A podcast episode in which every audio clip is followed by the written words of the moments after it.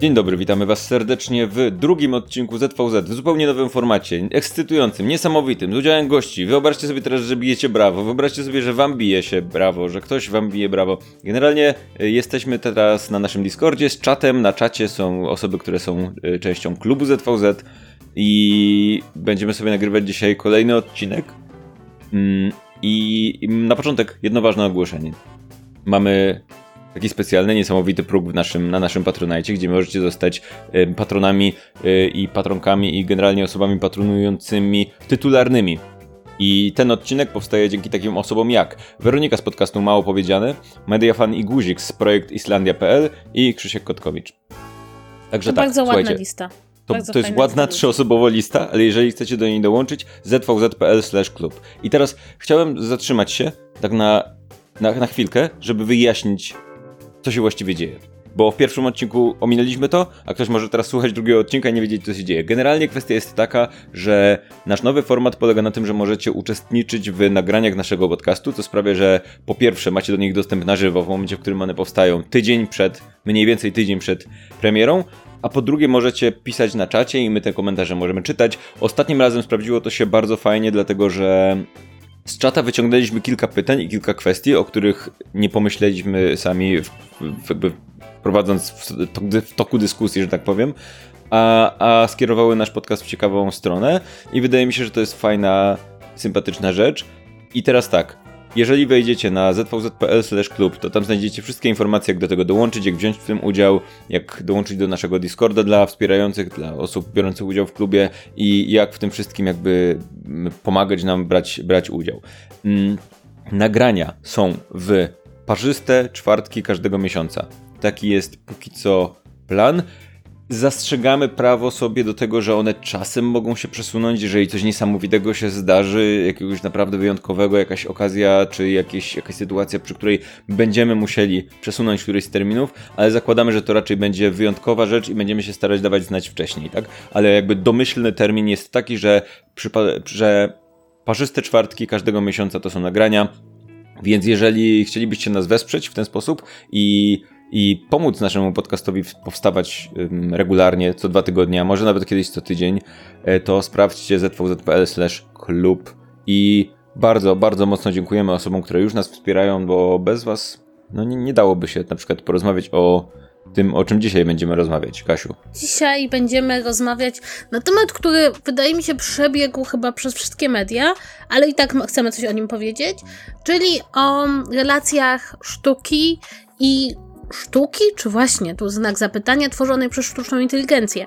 A wszystko dlatego, że ostatnio w internecie pojawiło się kilka, jednocześnie kilka programów, które pozwalają stworzyć własne dzieło sztuki z pomocą sztucznej inteligencji, a także dlatego, że wytwory tej sztucznej inteligencji wyszły z internetu i zaczęły pojawiać się chociażby w konkursach plastycznych, na okładkach książek, na okładkach czasopism i powstało pytanie, dokąd nas to zaprowadzi, czy rzeczywiście mamy do czynienia ze sztuką, czy przypadkiem to nie jest trochę tak, że te mm, sztuczne inteligencje karmione katalogami e, najróżniejszych twórców, bo tak się uczy sztuczną inteligencję, e, po, prostu karmiąc ją różnymi obrazami, e, no nie doprowadzą do tego, że rysownicy, ilustratorzy, ludzie związani z, ze światem sztuki stracą pracę. I tych tematów jest bardzo dużo, bo są to tematy zarówno takie bardzo ogólne, czym w ogóle jest sztuka, tak, tak to jest pytanie podstawowe. Po pytanie, czy to znaczy, że w przyszłości nie wiem, wszystkie ilustracje w czasopismach czy na stronach będą generowane przez sztuczną inteligencję, a rysownicy i graficy będą musieli sobie znaleźć inną pracę, ponieważ będą mało konkurencyjni. Mm, wydaje mi się, że tutaj to jest temat, który jest bardzo szeroki i i niejednoznaczny w takim sensie, że jeżeli zobaczycie sobie do internetu teraz, to na przykład w mojej bańce, nie wiem jak jest w twojej Kasiu, e, generalnie kwestia jest taka, że mm, większość, u, u, mnie, na moim Twitterze, na moim Instagramie, większość to będą posty krytyczne, tak? AI zła, yy, a właściwie nawet nie AI zła, bo generalnie ra, ra, raczej nikt nie zrzuca tutaj winy na sztuczną inteligencję, tak? Ale ludzie wykorzystujący AI najgorsi. No i to, to, to jakby trudno też. E, to jest niestety to takie, ten taki stadium e, rozmowy, ten fragment jakby całej dyskusji, który się bardzo szybko zrobił antagonizujący przez obie strony, tak? Bo z jednej strony masz, bo, bo jakby zamiast dyskutować o tym, że AI jest jakimś tam narzędziem i może być wykorzystane w jakiś ciekawy sposób, może pomóc w czymś, albo może rozwinąć jakieś dziedziny, albo może ułatwić dostęp do jakiejś rzeczy i tak dalej, i tak to bardzo szybko pojawili się ludzie, jak, którzy jakby sięgają po te narzędzia i ogłaszają siebie samych w tym momencie twórcami sztuki i stwierdzają, że oto teraz ludzie, którzy faktycznie rysują, malują, tworzą rzeczy, teraz już są, to już nie, to już jest melodia przeszłości. Teraz ja, bo ja wpisałem prompt i ja umiem teraz wpisać, opisać, ja umiem powiedzieć inteligencji, co ma zrobić i ona to robi i po co ci artyści, nie? I wydaje mi się, że tutaj... Mm, wie, więc, więc jakby chciałbym troszkę się zdystansować do tej dyskusji, w sensie też podejrzewam, że poruszymy te tematy, ale ale wydaje mi się, że, że jakby to jest taka burza troszeczkę na tym etapie w całej tej e, sytuacji, w całej tej dyskusji i łatwo dać, dać się ponieść tym takim skrajnym, te, te, temu jakby protestowaniu przeciwko temu skrajnemu wykorzystaniu sztucznej inteligencji. Tymczasem trzeba pamiętać, że poza tym to również jest narzędzie, które może być przydatne, ciekawe, interesujące, rozwojowe itd., tak itd., tak ale wykorzystane w odpowiedni sposób. Ja się z Tobą zgadzam, że rzeczywiście bardzo szybko doszliśmy do takich dwóch bardzo skrajnych postaw. Ja to widzę w mojej bańce. Jedna postawa, rzeczywiście bardzo skrajna, czyli wszystko, co robi AI, to jest złe i właściwie no, zwiastuje koniec trochę sztuki, a właściwie no, takie bardzo czarne chmury zbierają się nad ludźmi, którzy nie tyle tworzą nawet, e, ale tworzą w tych dziedzinach, które są bardziej wykorzystywane marketingowo, komercyjnie, czyli ci, którzy tworzą też bardzo dużo takiego, takich grafik użytkowych. Natomiast e, druga strona, i ona też ta, która jest zachwycona możliwościami, które daje sztuczna inteligencja, e, bardzo często tworzy takie dosyć, powiedziałabym, dla mnie przerażające porównania, mówiąc, że na przykład taka sztuczna inteligencja karmiona dziesiątkami czy tysiącami obrazów niczym się nie różni od człowieka, który poszedł do galerii i obejrzał bardzo wiele obrazów, a potem, jakby inspirując się dawnymi mistrzami, coś namalował. Co moim zdaniem też jakby sprowadza tą działalność ludzką w tworzeniu sztuki, no, no za bardzo to upraszcza, prawda? Tutaj za dużo jest takiego założenia, że człowiek to jest tylko mniej doskonały komputer, jeśli możemy go za zastąpić czymś bardziej doskonałym, czymś, co szybciej e, przerabia informacje, no to to będzie dobre. Więc rzeczywiście mamy tutaj te dwa, dwa bardzo skrajne pola, ale wydaje mi się, że chyba my powinniśmy zacząć od czegoś, co w ogóle nie jest związane z definicją sztuki e, i z definicją artyzmu i miejsca człowieka w sztuce, ale zacząć od praw autorskich. Bo mam wrażenie, że tutaj jest chyba najbardziej bolący wiele osób punkt tej dyskusji. Dlatego, że te sztuczne inteligencje, one się uczą na bardzo dużych bazach obrazów, ale właściwie bez pytania, bo na przykład chyba z tego co wiem, Mid Journey uczył się, albo mogę mylić sztuczną inteligencję, więc tutaj nie będę podawać nazwy, uczył się na katalogu DeviantArtu. I chodzi o to, że jakby kiedy odkryto, że to tak wygląda, to pojawiła się możliwość jakby wycofania swojej sztuki z tego, ale już jest trochę za późno. Znaczy nie wycofania, nie udzielenia dalszej zgody, tak? Ale jest już mhm. trochę za późno, bo co się sztuczna inteligencja naumiała, to się naumiała. Wiesz co, wydaje mi się, że wbrew pozorom te dwa tematy, które poruszyłaś przed chwilą, bardzo mocno się ze sobą łączą. I to będzie trochę filozoficzne momentami, i wydaje mi się, że tutaj wchodzimy w takie dyskusje o takich rzeczach bardzo miękkich, powiedziałbym, albo takich trudnych do zdefiniowania, ale tak czy siak, w kwestii na przykład praw autorskich możesz, to, to, to, nadal jest, to nadal jest sytuacja, w której możesz sięgnąć po ten argument pod tytułem ok, a czym się różni taka sztuczna inteligencja od osoby, która stworzyła, obejrzała obrazy i, i, i stworzyła coś tam swojego, tak, na bazie tego. Jakby gdzie jest, bo, bo to jest coś takiego, że jakby... Mm, nie musisz udzielić człowiekowi zgody na to, żeby popatrzył na twój obraz i zainspirowany tym, czy i generalnie zainspirowany obrazami czy rzeczami, które ogląda w życiu, mm, stworzył coś swojego, tak? I generalnie każdy artysta prawdopodobnie inspiruje się rzeczami, które widzi, tak szeroko pojętymi, tak o, o, nie, tylko, nie tylko faktycznie innymi dziełami, ale też po prostu tym, co obserwuje wokół w rzeczywistości, w świecie i tak dalej, i tak dalej. Nawet podświadomie, tak? Jakby nasze poczucie estetyki, yy, jakby poza, poza taką świadomą nauką, na przykład, nie wiem, yy, gdzieś tam układania planów, czy, czy proporcji i tak dalej, i tak dalej, no to jakby wynika z rzeczy, które widzimy, tak? Które wiemy, że nam się podobają, nie podobają, widzi, wiemy rzeczy, yy, widzimy rzeczy, które ktoś inny stworzył i tak dalej, i tak dalej. To jest jakby sztuczna inteligencja i ten proces uczenia się przez nią jest, jakby nie było, i tutaj troszkę wiesz, gram, jestem adwokatem diabła w tej sytuacji troszeczkę, jest jakby wzorowany na tym, w jaki sposób uczy się człowiek, tak? Więc tylko, tylko w wielokrotnym przyspieszeniu. Problem zaczyna polegać na tym, że w tym momencie dochodzi ten taki aspekt właśnie miękki, czyli to, co właściwie jako człowiek dodajesz do tworzonej przez siebie twórczości. I dodajesz do niego pewne świadome wybory, pewną wizję, która jest czymś więcej niż wzięcie rzeczy, które widziałeś wcześniej, widziałaś wcześniej w, w życiu i przetworzenie ich w jakiś taki sposób, tak? Można oczywiście powiedzieć, że nie jest zbyt częste generalnie w sztuce tworzenie rzeczy zupełnie nowych, takich wiesz, jakby o, ktoś wymyślił nowy kierunek w sztuce, taki kompletnie, jakby nigdy nic nie, podobnego nie było. Prawdopodobnie większość artystów tworzy rzeczy, które w jakiś sposób są zakorzenione w już istniejącej sztuce, takiej szeroko, szeroko, szeroko pojętej, tak? I znajdziesz podobne rzeczy, Znajdziesz rzeczy, którymi ci ludzie się inspirowali, mniej lub bardziej. Jesteś w stanie to podzielić na kategorie, kierunki i tak dalej, i tak.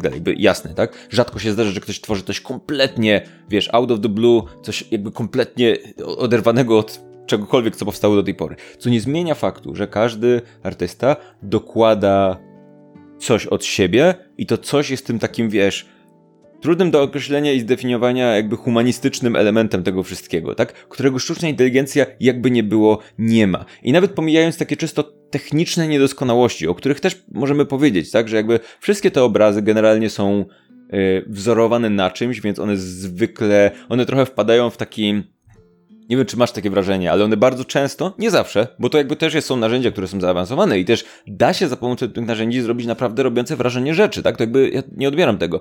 Ale one często wpadają w taki mm, w taki kiczowaty styl takiego, takich obrazów ze stoka troszkę. Nie wiem, czy przyglądałeś kiedyś stoki zdjęciowe i w poszukiwaniu obrazów. Generalnie znajdziesz tam rzeczy robione na szybko, które mają być efektowne, mają być jakimś tam sci-fi, kobita, coś tam, generalnie tło gwiazdy. I I, I mniej więcej jakby duża część tej sztuki, w cudzysłowie tutaj AI, to jest jakby ten kierunek, to jest i, i tutaj to, to jest trudna, to, to jest ta, ta trudna rzecz, tak? Jakby zdefiniowanie tego, gdzie jest różnica, nie? Jakby mo możemy mówić sobie o prawie, że generalnie prawo autorskie chroni osoby, które są ludźmi, więc, więc jakby trudno, trudno zdefiniować coś stworzonego przez AI jako y, dzieło w rozumieniu prawa autorskiego, ale jednocześnie jednocześnie jakby trzeba znaleźć, wskazać tą różnicę pomiędzy jednym a drugim, tak? Że nakarmienie AI obrazami, do których nie mamy praw, jest czymś innym jednak mimo wszystko, mimo że na pierwszy rzut oka może wydawać się podobne, niż człowiek, który obejrzał w życiu dużo obrazów, a potem stworzył coś swojego na bazie swoich doświadczeń, ale połączonych ze swoją wizją, wrażliwością itd., tak itd., tak nie?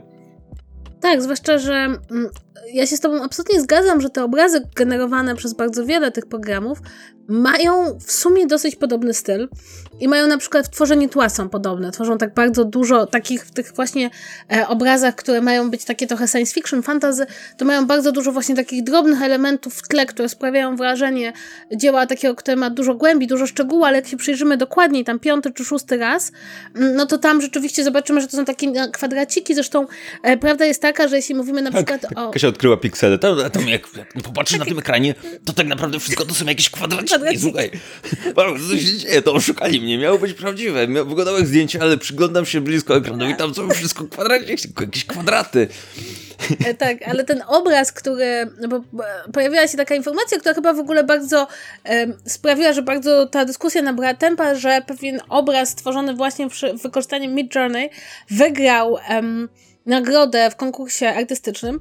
No, ten konkurs artystyczny to był konkurs na e, chyba bodajże Kentucky State Fair, więc to jakby powiem, nie był to najważniejszy konkurs artystyczny w historii. No ale tam rzeczywiście twórca tego obrazu, to jest taki właśnie obraz fantazy, który, i on rzeczywiście wygenerował sobie ten obraz, kilkanaście obrazów, wybrał ten, który mu się najbardziej podobał, on go poprawił. Bo to też jest trochę tak, że bardzo mało z tych obrazów, które wypluwa nam sztuczna inteligencja, nadają się od razu do wykorzystania. E, bardzo Wam polecam Tutaj rzecz absolutnie cudowna, pewna firma produkująca rowery poprosiła sztuczną inteligencję o stworzenie im obra różnych obrazów ludzi jeżdżących na rowerach i to pokazuje, że sztuczna inteligencja będzie miała jeszcze bardzo dużo czasu, zanim będzie umiała ogarnąć ideę człowieka na rowerze. No, jakby rower właśnie, jak zaczęło się tym mówić, to miałem takie, okej, okay, rower brzmi jak jedna z tych rzeczy. Rowery, ręce, generalnie rzeczy, które mają pewną określoną konstrukcję, i wa ważne jest to, jest gdzie po drugiej stronie, co my jesteśmy w stanie bardzo szybko ogarnąć, a często takie proste rzeczy są dla AI mm, Zbyt skomplikowane. Przy tym tutaj też tak. warto podkreślić to, że e, jakby zaletą AI generalną jest to, że ja zawsze mam pewne e, pewne wątpliwości w momencie, w którym ktoś wskazuje na przykłady, że coś tam AI nie wyszło i mówi, o patrzcie, patrzcie, to nie wyszło, no e, głupia ta AI, nie? Coś tam. AI jakby to nie jest kwestia tego, że AI czegoś nie, nie rozumie. Kwestia tego jest, y, kwestią jest to, że AI bardzo szybko się uczy. Więc porównaj te rzeczy, które teraz powstawały, w sensie zwracam się teraz do osoby w internecie, która napisała tweeta, która nas nie słucha, jak coś, nie, do, nie personalnie do ciebie, Kasiu.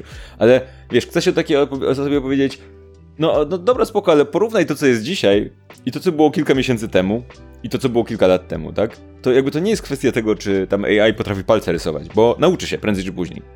Więc to jest takie bardzo powierzchowne dla mnie zawsze spojrzenie, to takie wskazywanie, wiesz, problemów, nie? Tylko właśnie o to mi chodzi, że w tym momencie, jeśli ktokolwiek wykorzystuje już to AI, to robi to z dużą ingerencją człowieka. To znaczy, jakby AI tworzy ci coś w stylu szkicu, i ludzie to poprawiają bardzo często w Photoshopie, poprawiają to u siebie, jakby mm, bardzo dużo rzeczy jest e, z tych, które ja widziałam, zostały już poddane obróbce. Tego nie można po prostu wrzucić, znaczy część osób to wrzuca, bo na przykład chyba tam na samym początku, jak Midjourney się tak otworzyło na ludzi, to mnóstwo osób robiło sobie komiksy. I właśnie było bardzo widać, że nie poprawiają tego, co im wyrzuciło im rzuciła sztuczna inteligencja. Natomiast jeśli, e, bo jakby tutaj odwołując się do tego, co jest sztuką, a co nie, e, my już w tym momencie mamy tak szeroką definicję sztuki, że zasadniczo rzecz biorąc, od dobrych 100 lat można wszystko każdą ludzką działalność podpisać pod sztukę, jeśli zostanie ujęta w odpowiednie ramy interpretacji. Bo już przekroczyliśmy jakby granicę takiego bardzo prostego rozumienia sztuki, zresztą sztuka jest rzeczą zawsze była płynna, więc jakby to, że wchodzi nam na AI nie zmienia nam definicji sztuki na zasadzie och, to są wytwory, których nigdy nie było, w związku z tym nie mieszczą nam się w definicji sztuki. Raczej Problemem jest może nie sama sztuka, ale pytanie o rolę twórców. Dlatego, że tak naprawdę sztuka nie jest zagrożona. To nie jest tak, że sztuka się zmieni.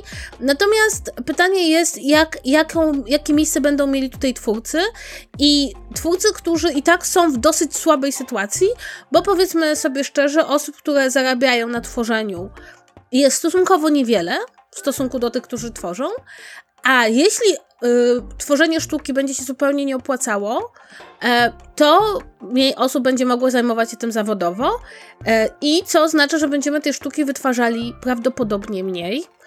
A też to jest wszystko ze sobą powiązane, bo te sztuczne inteligencje, że mogły nam dostarczać nowych, ciekawych rzeczy, które nie będą wszystkie identyczne, będą musiały być wciąż karmione nowymi i nowymi dziełami sztuki.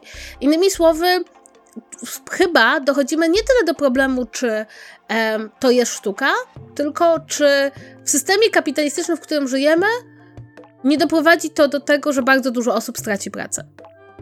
Wiesz co, tutaj mm, pozwolę sobie przeczytać kilka komentarzy od nas y, z czata w tym momencie. Dzięki, że jesteście tutaj z nami i możecie nam podpowiedzieć kilka rzeczy. Damian pisze, prawo zawsze było wolniejsze od technologii. To prawda i wydaje mi się, że to jest dyskusja na w ogóle zupełnie inny odcinek też, dlatego że wiesz, można potraktować. Oczywiście można powiedzieć tak. W naszym obecnym systemie prawnym w Polsce generalnie raczej dzieło stworzone przez AI nie spełnia wymogów bycia uznanym za dzieło w rozumieniu prawa autorskiego, no bo nie zostało stworzone przez człowieka, ale z drugiej strony możesz powiedzieć, no ale to człowiek nakarmił AI, a potem zrobił, powiedział AI zrób rzecz i właściwie skorzystał z AI jako narzędzia. Słyszałeś może o tym wyroku sądu w sprawie zdjęcia zrobionego przez małpę? Że nie. Tak, jest wyrok sądu, no, który jest, tak. który jest Wiem, wiem, kluczowy. Małpa zrobiła sobie selfie i było pytanie, kto jest autorem tego zdjęcia. Człowiek, który dał małpie aparat fotograficzny, czy małpa? No i Mhm. w Stanach Zjednoczonych sąd orzekł, że prawa autorskie maj, mają ludzie. Że małpa nie może mieć praw e, do tego zdjęcia. I niektórzy twierdzą, że e, ten wyrok w sprawie człowiek versus małpa może okazać się kluczowy właśnie dla rozstrzygania kwestii praw do dzieł tworzonych przez sztuczną Tak, jakby inteligencję. to, to, to się zgrywa z tym, co przed chwilą powiedziałem, tak? Że jakby sztuczna inteligencja nie jest twórcą, tak? Ale trudno w tej sytuacji na przykład ym, próbować mieć taki dyskurs, że ten człowiek, ten fotograf wykorzystał zwierzę jako narzędzie do stworzenia swojej sztuki, tak? Jakby to, był, to, było, to powstało przypadkiem. Jakby sytuacja była taka, tak? Jakby ta, ten zwierzak się bawił aparatem, zrobił sobie selfie przypadkiem, tak?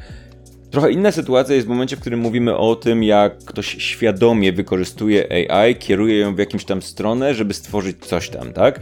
I tutaj się pojawia, to jest, to jest rzucone przeze mnie pytanie, tak? W którym momencie narzędzie staje się na tyle skomplikowane, że odbiera nam prawa do rzeczy, którą tworzymy, tak? Pędzel jest narzędziem, który jest bardzo bezpośredni, tak? Bierzesz farba, malujesz, lecisz, tak? Photoshop już jest dużo bardziej rozbudowanym narzędziem. Photoshop również ma narzędzia w środku wbudowanych korzystające z AI, na przykład do uzupełniania teł, do uzupełniania jakichś tam braków, usuwania obiektów i tak dalej, i tak tak? Czy jeżeli zaznaczę sobie obiekt, osobę, coś tam w Photoshopie i ona zniknie, bo, bo narzędzie po prostu zrobi to, zautomatyzuje to, jakby do, uzupełni tło i tak dalej, i tak dalej, to czy ja to zrobiłem, czy zrobiło to narzędzie? Jakby w którym momencie, jakby wiesz, to, jest, to są ogólne przykłady, ale jeżeli, jeżeli w tym momencie uznajemy, wiesz, to była moja, moja świadoma decyzja artystyczna, tak, że chcę usunąć ten obiekt ze zdjęcia, wykorzystałem do tego dane narzędzie, ale jakby sam proces wykonania tego był dość skomplikowany i właściwie nie wziąłem w nim udziału tak fizycznie, poza stwierdzeniem, proszę mi to usunąć, tak? Pytanie jest, w którym momencie jakby to komplikowanie narzędzia zaczyna y, osiągać taki moment, taki, taki jakby poziom, że mogę powiedzieć, okej, jakby w sytuacji wykorzystania AI jako narzędzia to już jest za dużo, to już jest za dużo, za dużo to narzędzie zrobiło, a za mało mojej świadomej decyzji, więc ja nie mogę mieć praw do tego. Czy może jednak osoba, która tą AI wykorzystała, powinna mieć pełne prawa do tego, bo po prostu skorzystała z narzędzia? Nie wiem, trudno powiedzieć, to jest dyskusja, na którą jakby nie czuję się gotowy i wydaje mi się bardzo skomplikowana i z, i, I więc jakby zgadzam się z tym, że prawo jest wolniejsze, ale w ogóle cała tutaj, to, to trochę jest sytuacja, w której będziemy musieli jako ludzkość trochę sobie przedefiniować pewne rzeczy. Mm, sięgając po kolejny komentarz. Ola pisze, definicja sztuki zawsze była płynna i ciągle się zmienia, więc pewnie nasze spojrzenie zmieni się za kilka miesięcy czy kilka lat. Wydaje mi się, że definicja sztuki jakby w, w, od dawna nie, nie zmieniała się aż tak bardzo. Może zmieniały się trochę kategorie na zasadzie, co jest postrzegane jako sztuka, tak? Bo jeszcze kiedyś, nie wiem, gry wideo nie były postrzegane jako sztuka, a teraz są, a to są kwestie raczej społeczne, tak? Wydaje mi się, że to może trochę przewartościować, czy przesunąć wagę na ten czynnik ludzki, tak? Bo jakby sztuka, powiedzmy, obraz, wizualna taka, składa się z pomysłu, z, wiesz, z idei, z wizji i z jej wykonania, tak? Wychodzi na to, że będziemy musieli te dwie rzeczy troszkę coraz bardziej rozdzielić, tak? Bo wychodzi na to, że wykonanie staje się coraz łatwiejsze z pomocą takiego narzędzia jak AI, co sprawia być może, że tą dużo ważniejszą częścią będzie pomysł, tak? Bo być może przy zalewie niesamowitej ilości generowanych przez AI rzeczy, to te rzeczy, które będą miały swój inny, wyróżniający się pomysł, staną się bardziej wartościowe. Trudno powiedzieć. Mm, z takich jeszcze komentarzy, które się pojawiły, Rola zapisze, mm, mm, człowiek się uczy na błędach, AI popełnia błędy szybciej, to i szybciej się uczy, więc tak, to jest, to jest ta rzecz, która jakby potwierdza, dla mnie potwierdza to, że jakby sięganie po argument pod tytułem patrzcie, tutaj, tutaj jest błąd, tutaj widać, że to AI, bo niebo jest nie takie, bo chmury są nienaturalne, bo gdzieś noga jedna z przodu, a powinna być z tyłu, bo budynki są nie w odpowiedniej kolejności, tak? Ale jakby to będzie to będzie tylko mniejszy problem, coraz mniejszy problem, tak? To będzie szło w tym kierunku. Hmm, co myślisz? Powiem Co myślisz tak, o naszych komentarzach e, tutaj z czata? Dobre są, nie? Prawda, fajnie, Tak, fajnie jest, wszystko- fajnie wszystko jest być w klubie mówimy. ZVZ, zvz.pl slash klub. Ty, osoba, która słuchasz i nie macie w klubie ZVZ, dlaczego cię tu nie ma? Dlaczego nie napiszesz komentarza? Aha, bo nie macie tutaj, to szkoda, to bądź. Słuchaj, em, wydaje mi się, że tutaj kluczowy jest kolejny komentarz, który nam zostawił jeden z naszych słuchaczy. E, Uraku Kył. E, Fabryka X kupiła robota Siemensa i dzięki temu zwolniła 12 pracowników, bo za- zautomatyzowali linię produkcyjną. E, teraz to się przenosi na sztukę. No właśnie. I że to jest jego zdaniem ewolucja. Kwestia polega na tym, że jak wiemy, robot czy jakaś. w ogóle zautomatyzowanie linii produkcyjnej robi te same rzeczy, które mogliby robić ludzie, tylko szybciej, sprawniej i dokładniej. Ja nie uważam, że nawet jeśli AI będzie umiał zrobić nam bardzo ładne obrazy, takie, które nie będą już wymagały poprawiania, to będzie to, to dokładnie to samo, co gdybyśmy dali człowiekowi pędzel. I to nie chodzi tylko o to, że powiedzmy efekt AI będzie lepszy, tylko po prostu to, co robimy w sztuce, jest ekspresją naszego, naszej unikalnej jednostki. Dlatego, mimo że pewne tematy w sztuce są wałkowane non-stop i, i mają. Po, teoretycznie jest to ten sam układ postaci, chociażby, nie wiem, zwróćcie uwagę na wszystkie obrazy Madonny z dzieciątkiem. Madonnę z dzieciątkiem malowało przez wieki setki, jeśli nie tysiące malarzy. Ten układ zawsze jest taki sam. Te obrazy, nawet jeśli są bardzo do siebie podobne, to każdy z nich jest inny, ponieważ każdy malarz jest trochę inny, korzysta z innych modeli, ma inną wrażliwość, inne możliwości i w ten sposób niby wszyscy malują to samo, ale rzeczy, ale rzeczy są od siebie Ja się różne. zaśmiała się, bo wkleiłem zdjęcie Madonny na czatę. Jakby, szkoda, że was tu nie ma. I wydaje mi się, że jeśli, że tak naprawdę jedyną dziedziną sztuki, dla której potencjalnie AI naprawdę jest zagrożeniem, czy może doprowadzić do znacznego ograniczenia pracy tych twórców, to jest dla tych osób, które dzisiaj pracują w ilustracjach książkowych, które pracują przy robieniu okładek, przy robieniu plakatów, e, przy robieniu, nie wiem, e, ilustracji do magazynów, bo wydaje mi się, że tutaj te podmioty, które zamawiają te obrazy i które te obrazy nie są tylko wynikiem jakiejś ekspresji twórcy, tylko są wynikiem pewnego komercyjnego zamówienia, no to wydaje mi się, że lepiej, że łatwiej będzie, taniej, szybciej, być może dokładniej zamówić to u e, sztucznej inteligencji, zrobić, zatrudnić po prostu kogoś, kto będzie obrabiał te wytworzone przez sztuczną inteligencję obrazki e, i dzięki temu po prostu, nie wiem, czy chociażby ludzie, którzy dzisiaj wrzucają zdjęcia w nagłówki swoich blogów, czy postów, czy newsletterów, będą wrzucali grafiki stworzone przez e, sztuczną inteligencję. Wydaje mi się, że tutaj jest ta przestrzeń, e, w której może się najwięcej zmienić. Jednocześnie znalazłam takie badania, że chwilowo ci, którzy korzystają z tych grafik, korzystają z nich tam, gdzie ich by wcześniej w ogóle by nie skorzystali z żadnej grafiki. Czyli na przykład ilustrują tym swoje raporty, prezentacje i wcześniej w ogóle tam by nie było żadnej grafiki, dlatego żeby nie było ich stać na kogoś, kto by im to zrobił, albo sami nie posiadali takich umiejętności. Więc być może w ogóle ten moje przewidywania się nie spełnią, tylko po prostu to jest takie moje przeczucie, że jeśli coś można zrobić szybciej i taniej w świecie kapitalistycznym, no to te komercyjne zamówienia mogą zaczną, zacząć spadać. Tak mi się co, przynajmniej wydaje. ym, Ja mam taką. y, ja. Generalne moje zdanie, tak ogólnie w tym temacie, to jakoś to będzie. Dlatego, że e, nawet jeżeli weźmiesz sobie fabrykę, która zatrudniła coś tam, robota, ma, ma, ma robota, który robi rzecz, którą kiedyś zrobili ludzie i tak dalej, i tak dalej, to nie zmienia faktu, że teraz ktoś musi te roboty robić i ktoś musi te rzeczy projektować, bo ten robot nie wymyśli rzeczy, którą ma zrobić i generalnie jak sobie prze, prześledzisz, wiesz, historię, to zawsze jest tak, że jacyś ludzie tracili pracę na rzecz czegoś tam innego, tak? Na, cześć, na, na rzecz e, automatów, na rzecz robotów, na rzecz generalnie czegoś, tak? Albo po prostu dany e, produkt przestał jakby mieć znaczenie, przestał istnieć i nagle się okazuje, że nie ma co, nie ma co robić, panie, nie, a, kopalnie mi zamykają, nie? I tak dalej, i tak dalej. Jakby generalnie, jakby nie, nie chcę tutaj bagatelizować tej całej sytuacji, ale generalnie jakby ludzkość zwykle sobie radziła, bo zwykle z, jakby ograniczenie zapotrzebowania na wykonywanie przez ludzi jakiejś rzeczy sprawiało, że to zapotrzebowanie jakby pojawiało się w innym miejscu, tak? Wydaje mi się, że teraz ważne jest to, że mówimy o jakichś takich rzeczach bardzo właśnie miękkich, tak? To nie jest fizyczne wykonanie jakiejś takiej rzeczy, w sensie to również jest fizyczne wykonanie, ale to nie jest taka, taka, taka wiesz, taki bardzo prosty przykład, tak? Wydaje mi się, że AI będzie po prostu na pewnym etapie kolejnym narzędziem, które sprawi, że próg wejścia do tworzenia obrazów w internecie będzie mniejszy, ale nie. Ale, ale to wszystko nastąpi stopniowo, to jest moje przewidywanie, i nie będzie miała aż takiego wpływu na to, jak cała sytuacja wygląda i jak możemy sobie wyobrażać. Mnie się to troszkę kojarzy z tym, jak wiesz, w smartfonach pojawiły się aparaty świetnej jakości. Czy to sprawiło, że fotografowie zniknęli i nie ma fotografów, bo każdy może zrobić zdjęcie aparatem, bo ma w kieszeni, a kiedyś aparaty były drogie? Czy to sprawia, że wiesz, że, że nie wiem, przemysł filmowy upadł, bo teraz ka w każdym telefonie jest kamera. Y, słuchaj, w iPhone'ach najnowszych jest ten tam czujnik 3D LiDAR czy coś tam i wszyscy filmowcy się tym jarają, bo mogą wejść do pomieszczenia i zrobić szybko, niezależni filmowcy zwłaszcza, bo to jest tanie, tak? Tanie w porównaniu do urządzeń specjalistycznych. Mogą teraz wejść do pomieszczenia zrobić jego skan 3D szybko, tak?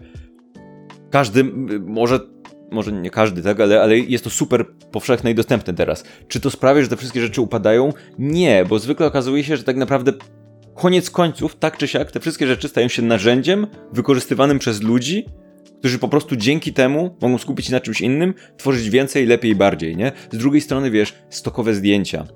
Mamy ileś tam stoków, tak? Z miliardami prawdopodobnie zdjęć na, tych, na tym etapie, gdzie prawdopodobnie nie mam danych na ten temat, ale strzelam, że gdybyś sprawdziła dane ze stoków, ze zdjęciami, to prawdopodobnie powiedziałbym, że większość z nich może nigdy nie być pobranych, tak samo jak w niektórych serwisach muzycznych, tak, że większość muzyki w serwisach muzycznych nikt nie słucha, większości muzyki. Yy, nie wiem, czy to jest prawda, czy tak słyszałem, albo, albo ma poniżej ilość tam obejrzeń, tak, że jakby jest ten taki, yy, jakaś niewielka część stanowi większość odsłuchań rzeczy, tak? I tak samo podejrzewam, że w serwisach stokowych są pewnie jakieś miliardy zdjęć robionych przez jakichś ludzi, albo nie robionych, yy, jakichś generowanych losowo grafik i tak dalej, i tak dalej, który nikt nigdy nie kupuje.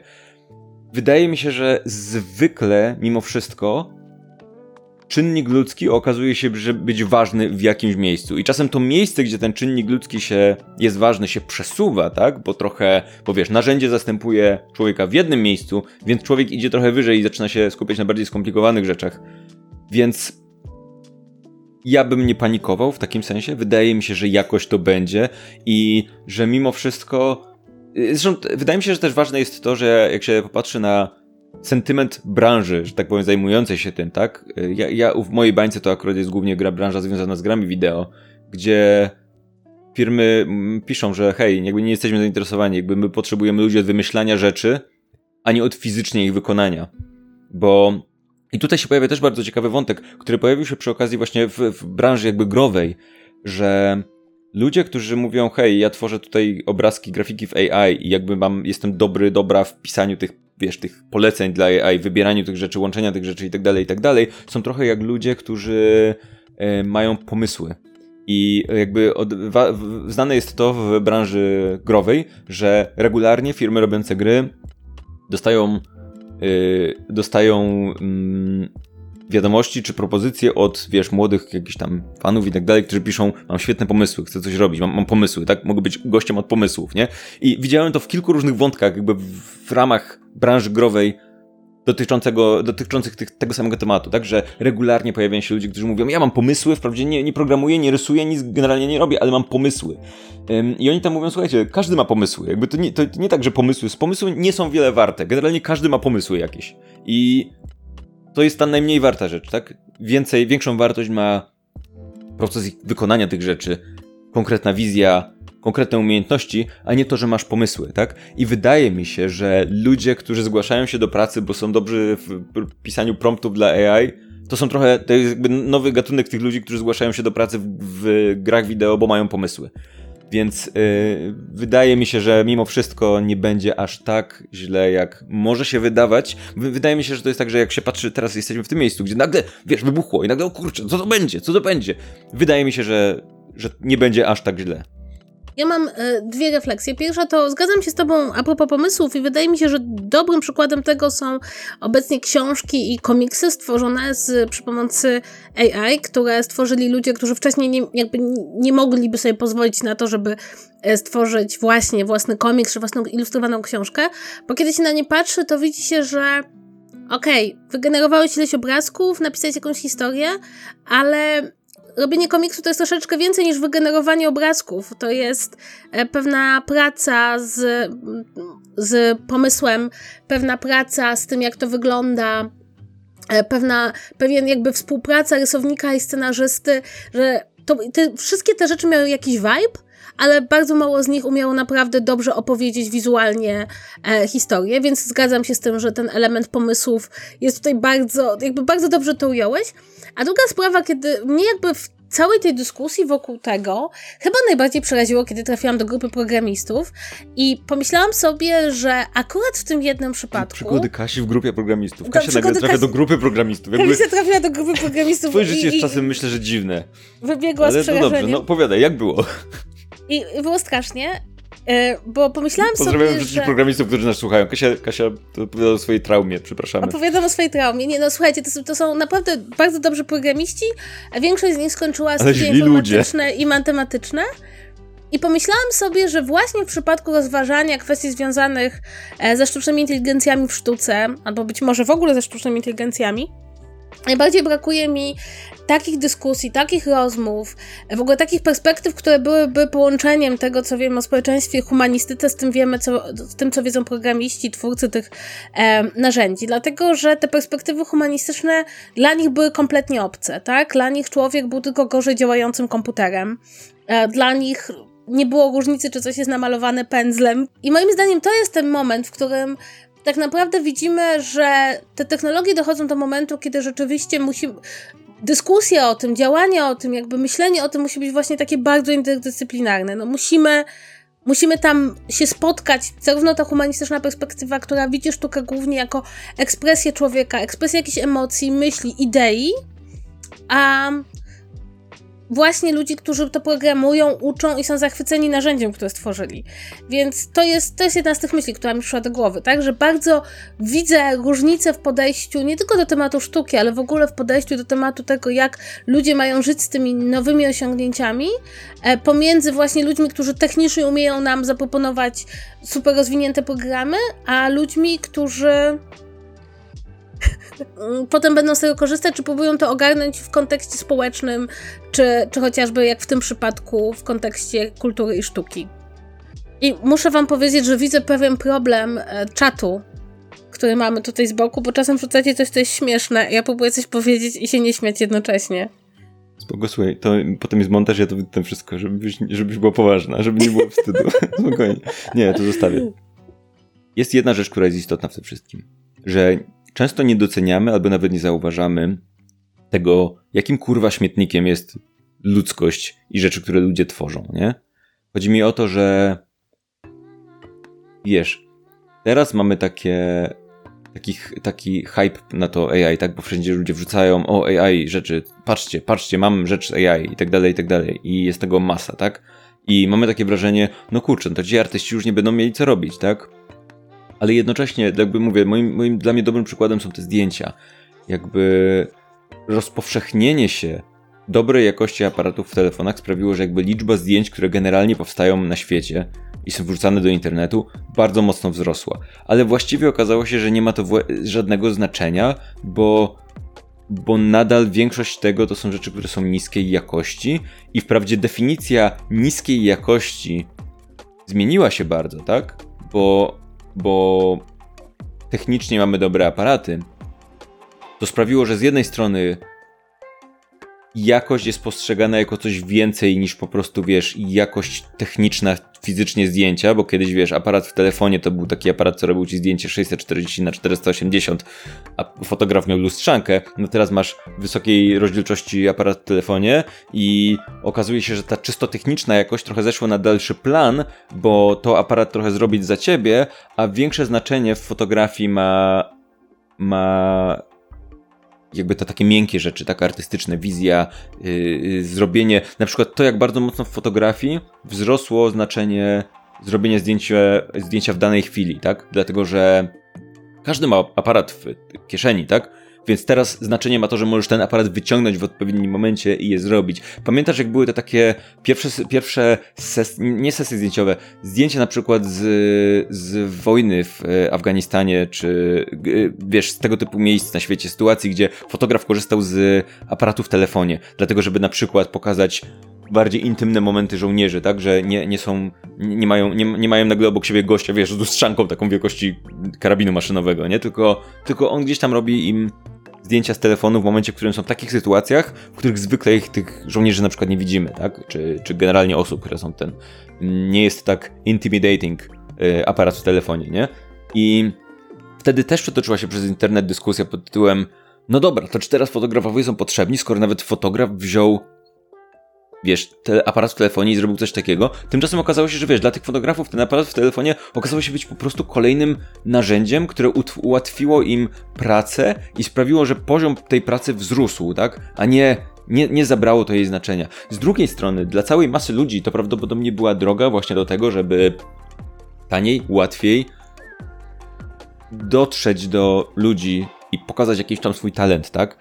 Mm, nie wiem, jak to będzie z AI, nie wiem, jakby jak to się wszystko rozwinie, ale wydaje mi się, że to, że wiesz, w internecie pojawia się. To, to, jest, to i tak jest tak, że jesteś w stanie skonsumować, że tak powiem, znaleźć, zauważyć tylko jakąś pewną liczbę treści, tak? I roznieść po internecie się jest w stanie w pewien sposób ograniczona liczba treści, tak? Nie wszystko może pójść, pójść, w viral, tak? Nie każdy komiks może być popularny, więc moje, moje, moje takie, wiesz, mój hot take w tej sytuacji jest taki, że jeżeli powstanie miliard nowych komiksów internetowych dzięki AI, to i tak ludzie będą w stanie jakby konsumować nadal podobną liczbę jak teraz, tak? To nie tak, że będą w stanie nagle konsumować ten miliard. Więc prawdopodobnie będą konsumować te, które są dobre, a te, które są dobre, to prawdopodobnie nie te, które powstają dzięki AI. A jeżeli jakiś będzie powstawał dzięki AI i stanie się na tyle dobry dzięki na przykład nie wiem, temu, że będzie pisany, wiesz, pisany przez człowieka, a ilustrowany przez AI, ale to pisanie będzie tak dobre, że on się przebije mimo wszystko, no to, to tylko sprawia, że jakby ten człowiek dzięki swojemu, ten, ten czynnik ludzki go wybije, wiesz o co chodzi, nie? Że jakby nagle to, to, to, nagle będzie człowiek, który dla swojego pisania, dla zilustrowania swojego pisania wykorzystuje AI, ale to pisanie musi być tak dobre, że być może bez tego AI w ogóle, w ogóle byśmy do niego dotarli, a tak to się okazuje, że może to narzędzie skorzystać, bo na przykład, nie wiem, nie jest w stanie, nie ma, nie ma y, zdolności, albo nie jest w stanie z jakiegoś powodu y, ilustrować tych swoich rzeczy, a może wykorzystać AI jako narzędzie, któremu pozwoli ze swoim pisaniem treści dotrzeć do ludzi, tak? Więc, więc mówię, to jest takie, mam wrażenie, że teraz mamy taki dziwny moment, bo mamy ten zalew tych wszystkich rzeczy i możemy tak siedzieć i patrzeć i faktycznie to jest frustrujące, tak? Wchodzisz na Reddita i na każdym Reddicie jest, o zobaczcie, wygenerowałem w AI to, wygenerowałem w AI tamto, ale mam wrażenie, że to wynika głównie z tego, że ludzie są w tym momencie po prostu zainteresowani samym faktem, że AI jest robi te rzeczy. I to jest ciekawe, bo mamy takie, o kurczę, AI, a może i jesteśmy jakby zachwyceni tym, że coś takiego w ogóle powstało, bawimy się tym, tak? Ale myślę, że to w pewnym momencie jest powszednie, bo już wszyscy się zorientują, dobra, AI robi rzeczy, no okej, okay, dobra, i chodźmy dalej z, z życiem, nie? Bo jest jeszcze jedna rzecz, która obecnie jakby wszyscy traktujemy to jako oczywiste. Te programy obecnie są darmowe. E, część z nich jest open source'owa, ale w tym momencie są darmowe, bo w tym momencie opłaca się, żeby były darmowe.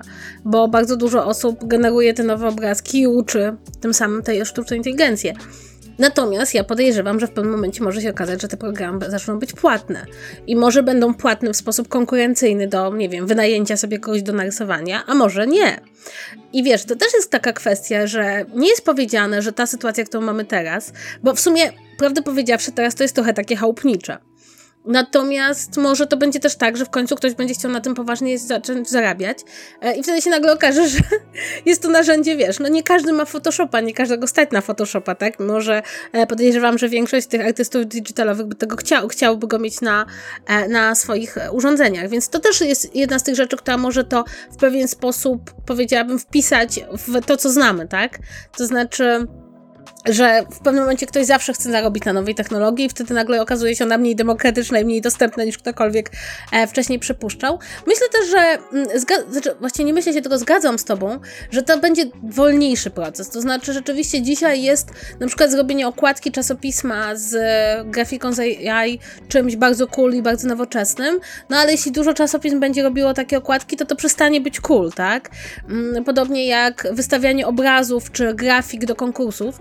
Chociaż muszę powiedzieć, że nie tak dawno Medicine zrobiło konkurs na mm, grafikę, która miała być inspirowana chyba bodajże światem zwierząt e, i zgłoszono tam bardzo dużo różnego rodzaju ilustracji, bardzo zresztą pięknych. I gdzieś tam po drodze e, jakaś z ilustracji była rzeczywiście, wyróżnionych ilustracji, była zrobiona w AI i była wyjątkowo słaba. Tam nawet żadnego zwierzęcia nie było, tylko jakieś kształty przypominające zwierzęta. No i bardzo dużo osób zwróciło uwagę, że jest to nie do końca jakby uczciwe zestawianie tych dwóch kategorii obok siebie w konkursie. E, ale być może no wiemy, że już ten Kentucky State Fair będzie miał osobną kategorię dla sztuki generowanej właśnie przez sztuczną inteligencję. Być może to też będzie tak, że właśnie takie zasady, które nie będą zestawiały tej sztuki ze sobą w tych rywalizacjach, też jakoś ludzi uspokoją, bo rzeczywiście w tym momencie jest taki, taki olbrzymi szum, dużo tego jest, dużo osób próbuje, dużo jakby też zwróciłeś uwagę na to, że dużo osób mówi, dobra, to teraz artyści nie są nam potrzebni, jakby od razu wieszcząc śmierć sztuki, no istotnie do śmierci sztuki jeszcze mm, daleka, daleka droga, ale wciąż uważam, że to jest taka rzecz, której się należy przyglądać ostrożnie, bo nawet jeśli jestem się z Tobą gotowa zgodzić, że ludzkość sobie jak na razie doskonale radziła z tymi właśnie sytuacjami, które były przełomowe, które były niejednoznaczne, to wciąż uważam, że tam, gdzie jest potencjalnie bardzo duży zysk, tam, gdzie potencjalnie właśnie można wyeliminować człowieka czy jego kreatywność, zawsze trzeba na to patrzeć ostrożnie, bo na razie sobie doskonale dajemy radę, zgadzam się z tobą, ale któregoś dnia możemy sobie nie dać rady. Więc ja jestem taka, wiesz, z jednej strony rozumiem, zgadzam się z tobą, nie należy panikować, nie należy wieszczyć końca sztuki, z drugiej to krytyczne podejście jednak uważam za, że nie powinniśmy go wyłączyć, tak? I, i machnąć ręką, być jakoś to będzie. Tak, myślę, że to jakby to jest sytuacja, którą warto obserwować, choć prawdę mówiąc, hmm, prawdę mówiąc, wydaje mi się, że ten czynnik ludzki, ten taki wiesz, ta decyzja o tym, żeby, że, że na przykład, żeby czegoś nie pokazać, żeby coś uprościć, tak? Jakby, jeżeli sobie zobaczycie na wszelkiego rodzaju sztukę robioną przez AI, to ona zwykle idzie w kierunku pewnych generycznych rzeczy w takim znaczeniu, że AI nie jest w stanie podjąć decyzji artystycznej na tym etapie, tak? Nie jest w stanie stwierdzić, ok, chcę w tym obrazie podkreślić tą rzecz, więc wytnę ją z tła i zrobię minimalistyczne tło. Generalnie nie jest w stanie podjąć decyzji artystycznej, tak? Myślę, że jak AI będzie w stanie podjąć decyzję artystyczną, to będziemy mieć zupełnie inną dyskusję. Prawdopodobnie o prawach sztucznej inteligencji bardziej, a nie o tym, czy tam to jest sztuka, czy nie. Jakby, ale nie jesteśmy na tym etapie i pewnie długo nie będziemy, tak? Więc mm, wydaje mi się, że to jest sytuacja rozwojowa i to, o czym mówiliśmy na początku, to jest taki gorący moment, tak, gdzie tu z jednej strony się pojawiają protesty, tu z drugiej strony pojawiają się ludzie wieszczący koniec sztuki i tacy bardzo często, niestety osoby, które są super into ta AI są często bardzo bezczelne, bo to jest takie, o patrzcie, teraz ja robię sztukę, na co, co więc trudno mi się dziwić, że artyści reagują takim, okej, okay, wrzucamy obrazki protestowe, protestacyjne na, na nasze profile mm, i jakby jestem tu absolutnie po stronie artystów, ale jak się zrobi dwa kroki wstecz i zastanowi, jak ta cała sytuacja wygląda, to myślę, że możemy z tego wyjść jako ludzkość lepsi, z nowszym, ciekawszym narzędziem i tak dalej, i tak dalej. Mm. Ktoś pisze Uracure Uwielbiam twój nick. Nie podejmuje decyzji artystycznej na dzisiaj, a funkcjonuje od kiedy? No to jest, słuchaj, podjęcie świadomej decyzji artystycznej to nie jest coś, czego można się nauczyć oglądając obrazki. Jakby to jest zupełnie inna rzecz, więc yy, to, to nie, to nie tak, że jak obejrzy odpowiednio dużo obrazków, to zacznie podejmować decyzje artystyczne, bo to tak nie działa, tak? Więc myślę, że zanim do tego momentu dotrzemy, jeszcze mamy dużo czasu. Słuchajcie, słuchajcie, dziękuję Wam bardzo za Wasz udział na czacie, dlatego że wydaje mi się, że był wyjątkowo ciekawy dziś. Części komentarzy nie zdążyliśmy przeczytać, e, ale jakby mam wrażenie, że wpletliśmy te wątki w, w, w tok dyskusji, więc one były dla nas inspirujące bardzo.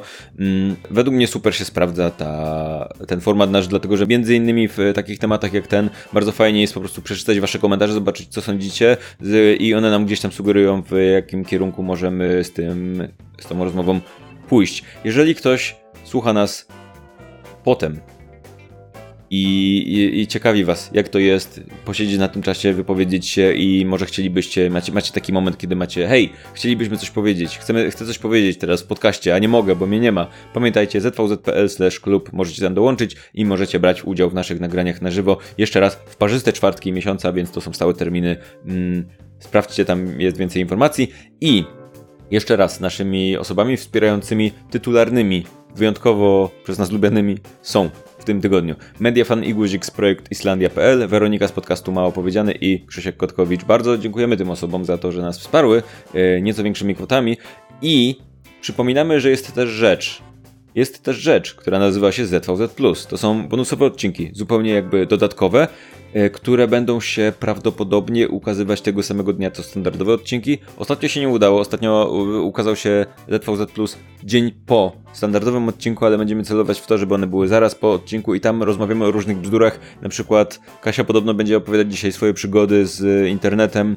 Ja chcę opowiedzieć o kotach i o, o filmach, które obejrzałem, więc... Ale musimy ym, dodać, że w zeszłym odcinku ZVZ Plus prawidłowo przewidziałam, że Henry Cavill będzie grał w ekranizacji Warhammera 40 tysięcy, zanim ta wiadomość pojawiła się w internecie, Tak, więc... Henry Cavill będzie grał w 40 tysiącach ekranizacji Warhammera.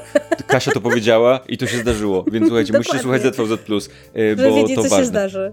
Tak, Tak. tak. Słuchajcie, y, kontakt małpa ZVZ.pl to jest mail nasz, możecie na nas do niego pisać, co ja próbuję powiedzieć. Ale wiecie o co chodzi, ok? Jest też Kasia małpa ZVZ.pl i Paweł małpa ZVZ.pl, jeżeli macie jakiś sekret i chcecie napisać tak, żeby ta druga osoba się nie dowiedziała, to tam. Plus mamy Discorda, zvz.pl discord i na tym Discordzie, o którym z pewnością osoby, które tego słuchają teraz na żywo wiedzą, e, są różne ciekawe miejsca i jest też kanał dyskusji o odcinkach, propozycje tematów itd., itd. Sprawdźcie to, bo jeżeli macie coś do dodania w tej kwestii, to może, może uda nam się zrobić tak, że nawet po odcinku dyskusja będzie nadal trwała, zwłaszcza, że wydaje mi się, że to jest rozwojowy bardzo temat, tak? I, I pewnie będzie się coś zmieniało. Może nie tak rozwojowy jak Elon Musk ze dwa tygodnie temu, tak? Gdzie Elon Musk dosłownie jakby w trakcie jak lądowałem, to po prostu rzeczy, się działy i tylko wysłaliśmy sobie z Kasią jakieś screeny, o kurwa, znowu coś się dzieje. Elon, przestań, daj nam chociaż to wypuścić, nie? E, No, ale, ale może nie jest aż tak rozwojowy, ale też jest rozwojowy, więc, e, więc czekamy na wasze komentarze również w przyszłości. Kasia, to tyle. To Idziemy tyle. spać. Idziemy To spać. nieprawda, nie idziemy spać, idziemy, Idziemy nagrywać nagrywać dalej. Plus i dzięki, że byliście w tym tygodniu z nami w standardowym odcinku i do zobaczenia za dwa tygodnie. Trzymajcie się, żegnajcie. Pa, pa.